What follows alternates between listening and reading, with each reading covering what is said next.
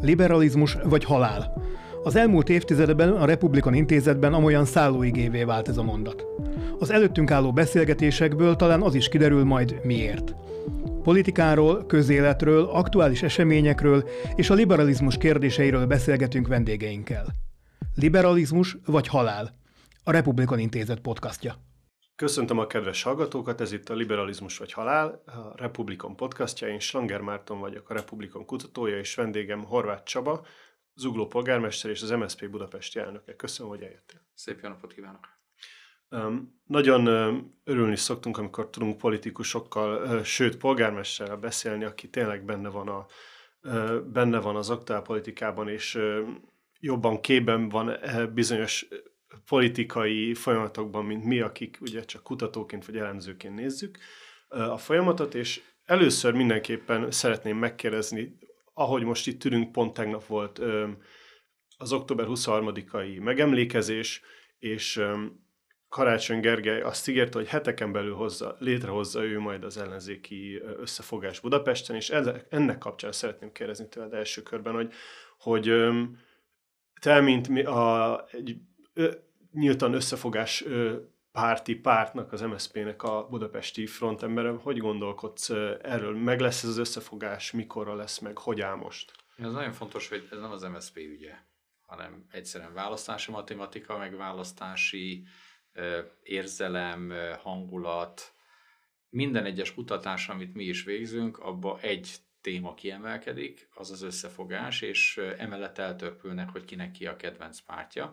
Tehát látható, hogy az összefogásnak hiába voltak kudarca is, hiszen ha nem lett volna kudarca, akkor most egy baloldali ellenzéki kormány lenne kormányon ma Magyarországon, tehát nyilvánvalóan nem sikerült, de nem a módszertannal van baj, inkább a részletekben veszett el az a választás azt gondolom, hogy nem volt elég őszinte, és nem volt elég tartós, sem előtte, sem utána, és ebből a választó is leszűrte, hogy ott valami nem stimmel, és én továbbra is azt e, képviselem, hogy egy jobb minőségű, egy napi szintű közös munkát bemutató, tehát a kormányzó képességet hitelesét tevő ellenzéki munkát kell folytatni, és egyébként ennek a legalkalmasabb helyszínei az önkormányzatok, amelyek kis mini országokként, kis köztársaságokként próbálják a maguk teljes spektrumában megadni mindazt a szolgáltatást, amit egyébként egy országban is elvárunk a nagy kormányoktól.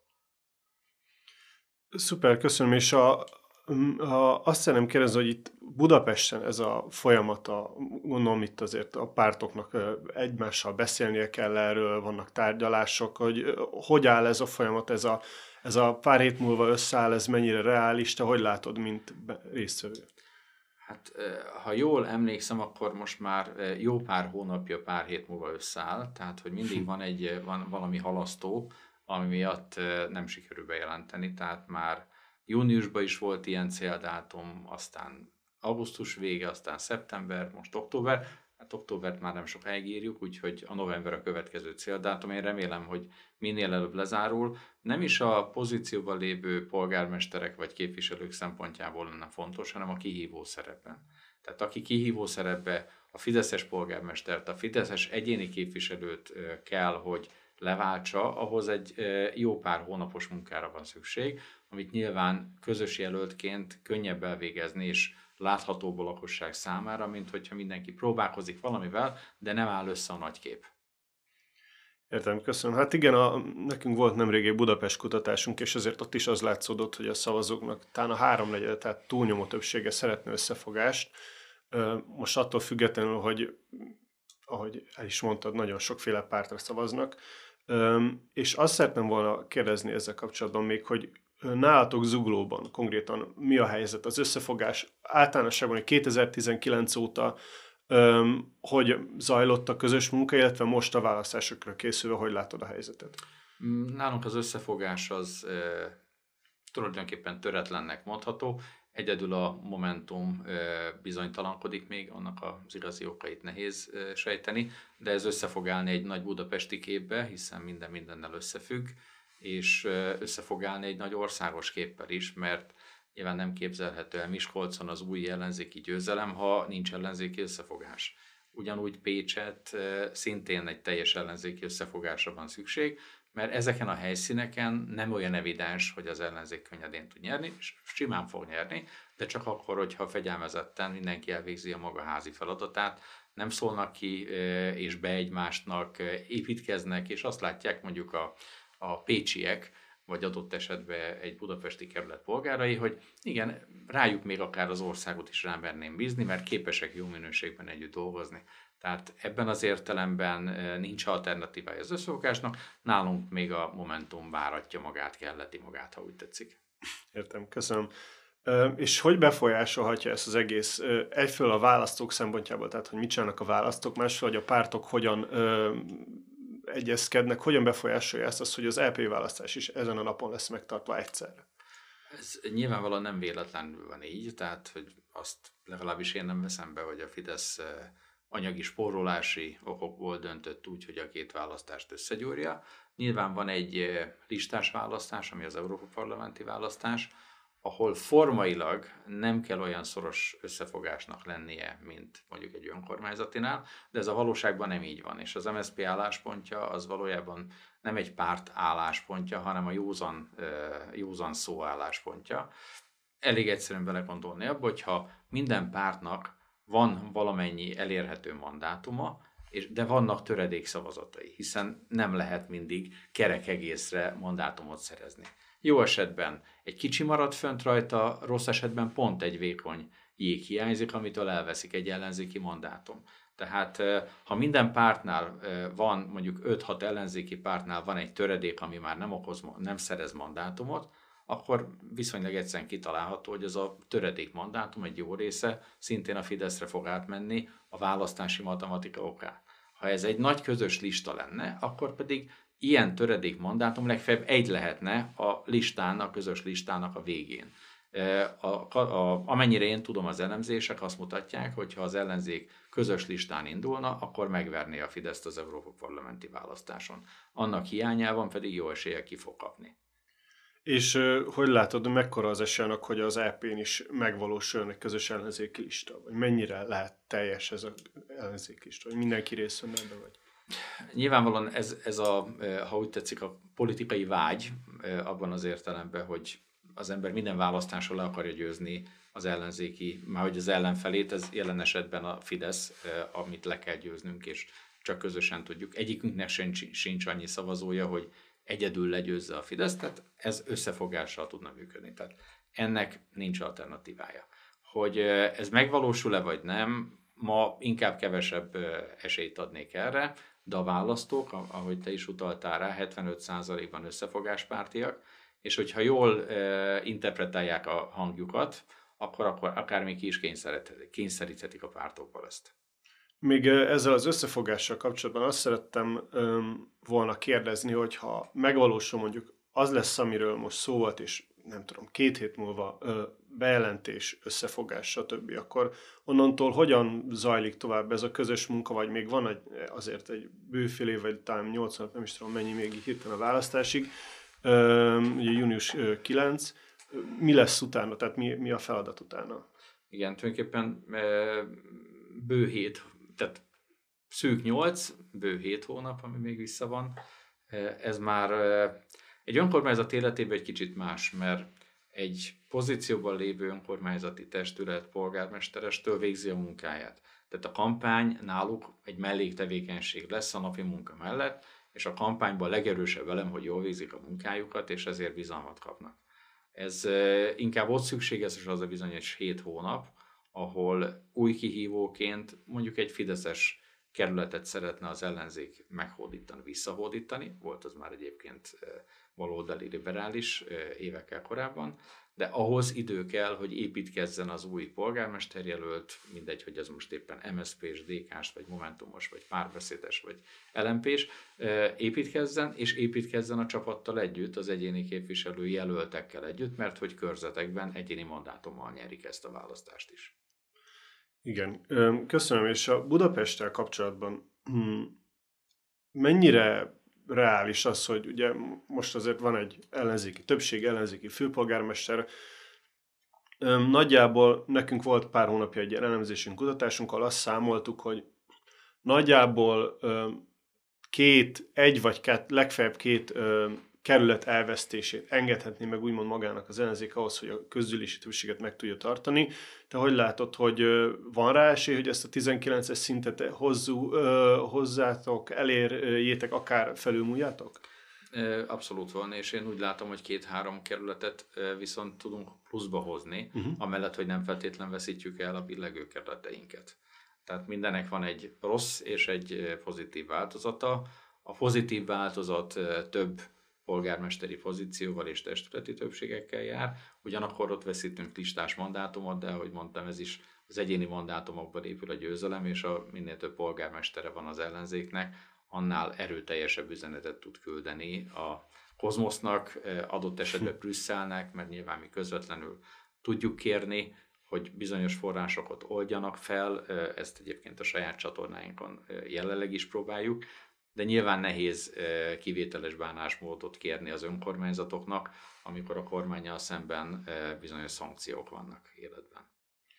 Igen, azt szeretném még megkérdezni tőled, hogy hogyha marad, hogyha úgymond a jó kimenetel lesz itt és marad az ellenzéki többség a közgyűlésben, marad a főpolgármester, akkor mennyire számíthatunk arra, hogy ez a antagonisztikus viszony, főleg a kormány oldaláról, a kormány és az ellenzék, vagy a főváros között inkább megmarad, és hogy ez mennyire tudja befolyásolni a budapestiek életét, vagy a önkormányzatok működését?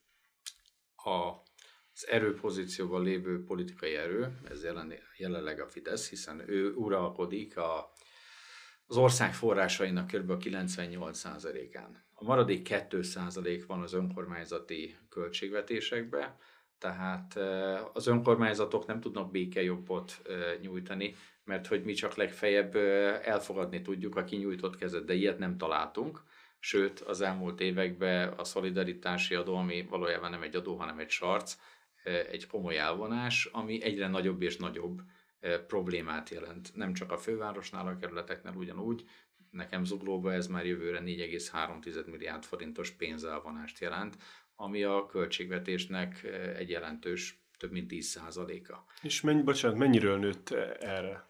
Ez eh, néhány százmillió forintról nőtt 2019-ből, eh, hát ha jól emlékszem, 3-400 millió forint volt, és abból lett 4,3 milliárd, plusz elvették a gépjárműadót, ami olyan kb. 600, tehát összességében mintegy 5 milliárd forint az, amit éves szinten nem tudunk zugló fejlődésére, vagy éppen jó minőségű üzemeltetésére fordítani. Tehát nyilván, ha bármiről beszélünk a kormányjal, tehát hogy egy békekötésről, akkor annak feltétele, hogy nem szipolyozhatja tovább az önkormányzatokat, és bizonyos jogi értelmű könnyítéseket is el kell végeznie.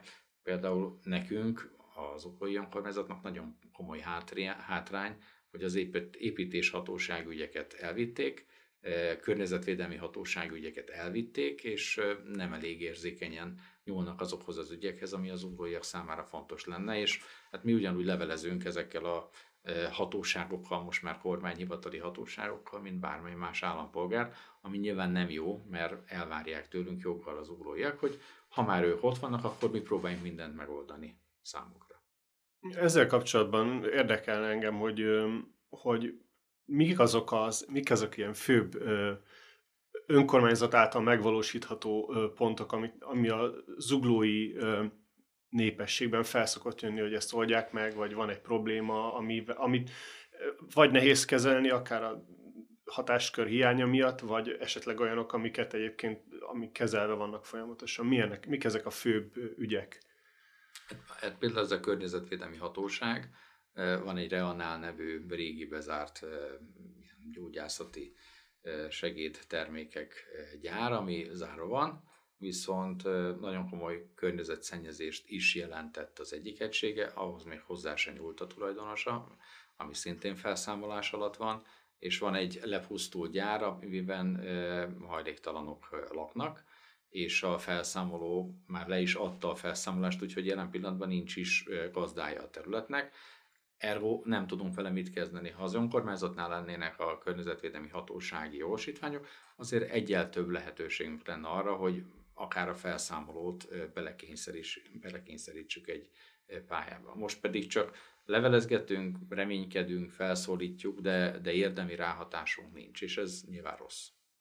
Igen, ugye ez nagyon sok ügyben előjön fel, hogy az építés, akkor az, hogy az állam amit akar kiemeltnek nyilvánít és megvalósítja, akár környezetvédelmi szempontból, azért nagyon sok mindent lehet tenni helyben is, és hogyha erre nincsen meg a hatáskör, az, az nehezíti a dolgot. Arra lennénk még kíváncsi, hogy ugye vannak a polgármesterek, te is egy polgármester vagy, és helyben azért ismer, megvannak a, maga, a hatásköreitek, ismernek az emberek, tudtok tenni, akár, akár gondolom én, hogy egy-két napon belül egy, egy ügyet el tudtok intézni, hogyha van valami egyéni kisebb probléma, a helyi, az, hogy ott vagytok helyben, az sokat segít, de országos szinten egy polgármester, egy ellenzéki polgármester hogyan tud részt venni a politikában, vagy a polgármesterek szerepe összességében, mi az országos politikában? Kezdjük azzal, hogy egy fideszes képviselő sem tud sokat kezdeni a parlamentbe jelenleg, mert hogy olyan úgy működik, mintha egy honf lenne bekötve a frakció vezetőhöz, és az történik, amit ő mond. E, ezzel együtt az ellenzéki polgármestereknél e, nagyobb lehetőség van, mert nekünk legalább nem kell jófát vágni ahhoz, amit a fideszesek e, jutalmuk kapnak, azt mi büntetésből, de legalább el tudjuk mondani, hogy mi a probléma vele. És ha összességében nézzük a 19-es ellenzéki eredményt, akkor az ország harmadában ellenzéki vezetést választottak az emberek. Ez egy nagy felelősség is.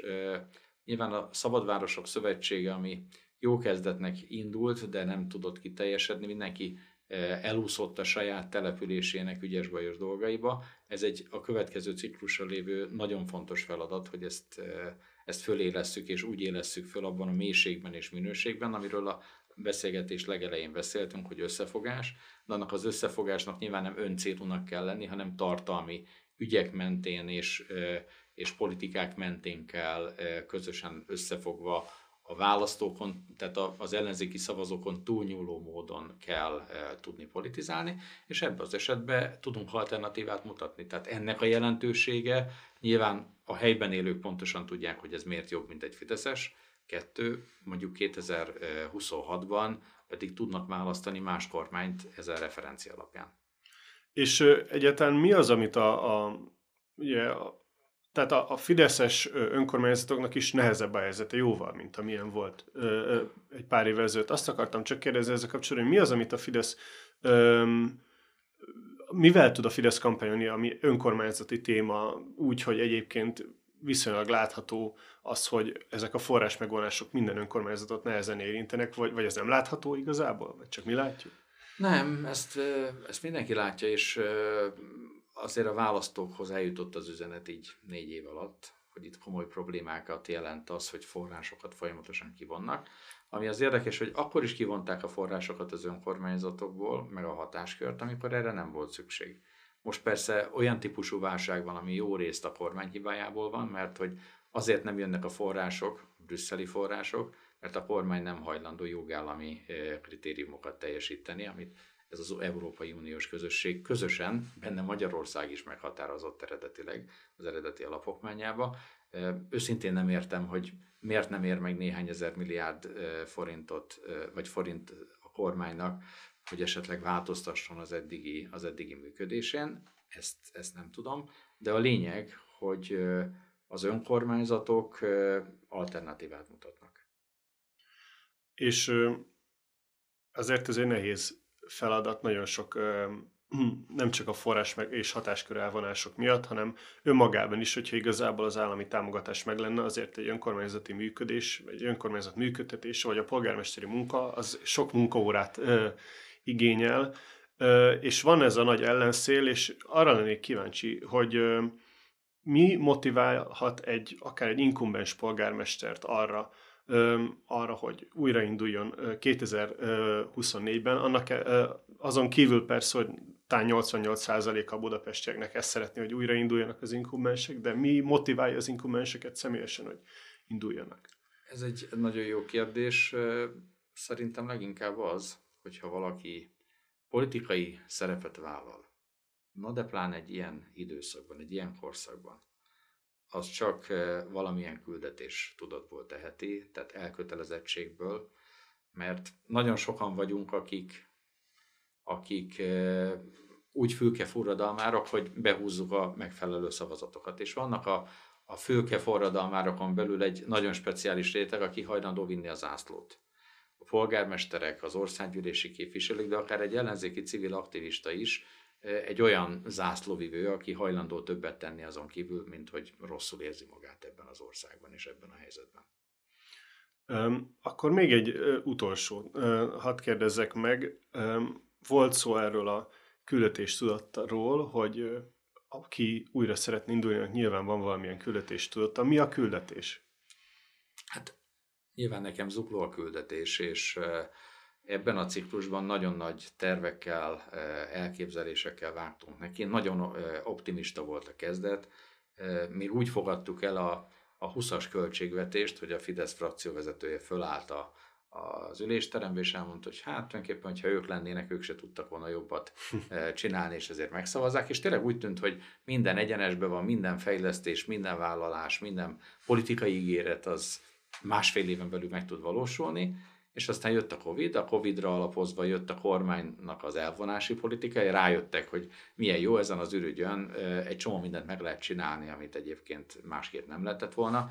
Most már negyedik éve vagyunk lassan benne ebbe a rendkívüli veszélyhelyzeti kormányzásba, ami egy egészen unikális a szó negatív értelmében, mert hogy nem tudok róla, hogy valahol máshol a világban vagy Európában lenne hasonló, nyilván a konkrét háborús övezeteken kívül, tehát ebben az értelemben ez egy, ez egy kezelhetetlen valami.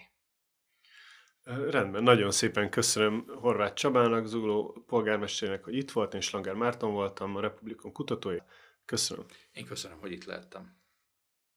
Ha tetszett a beszélgetés, iratkozz fel a platformon, ahol podcastokat hallgatsz, és kövesd a Republikont a Facebookon, az Instagramon és a YouTube-on is. Ha pedig hozzászólnál a témához, kommentelj bátran, és gyere el a következő konferenciánkra, ahol egy kávé mellett személyesen is beszélgethetünk.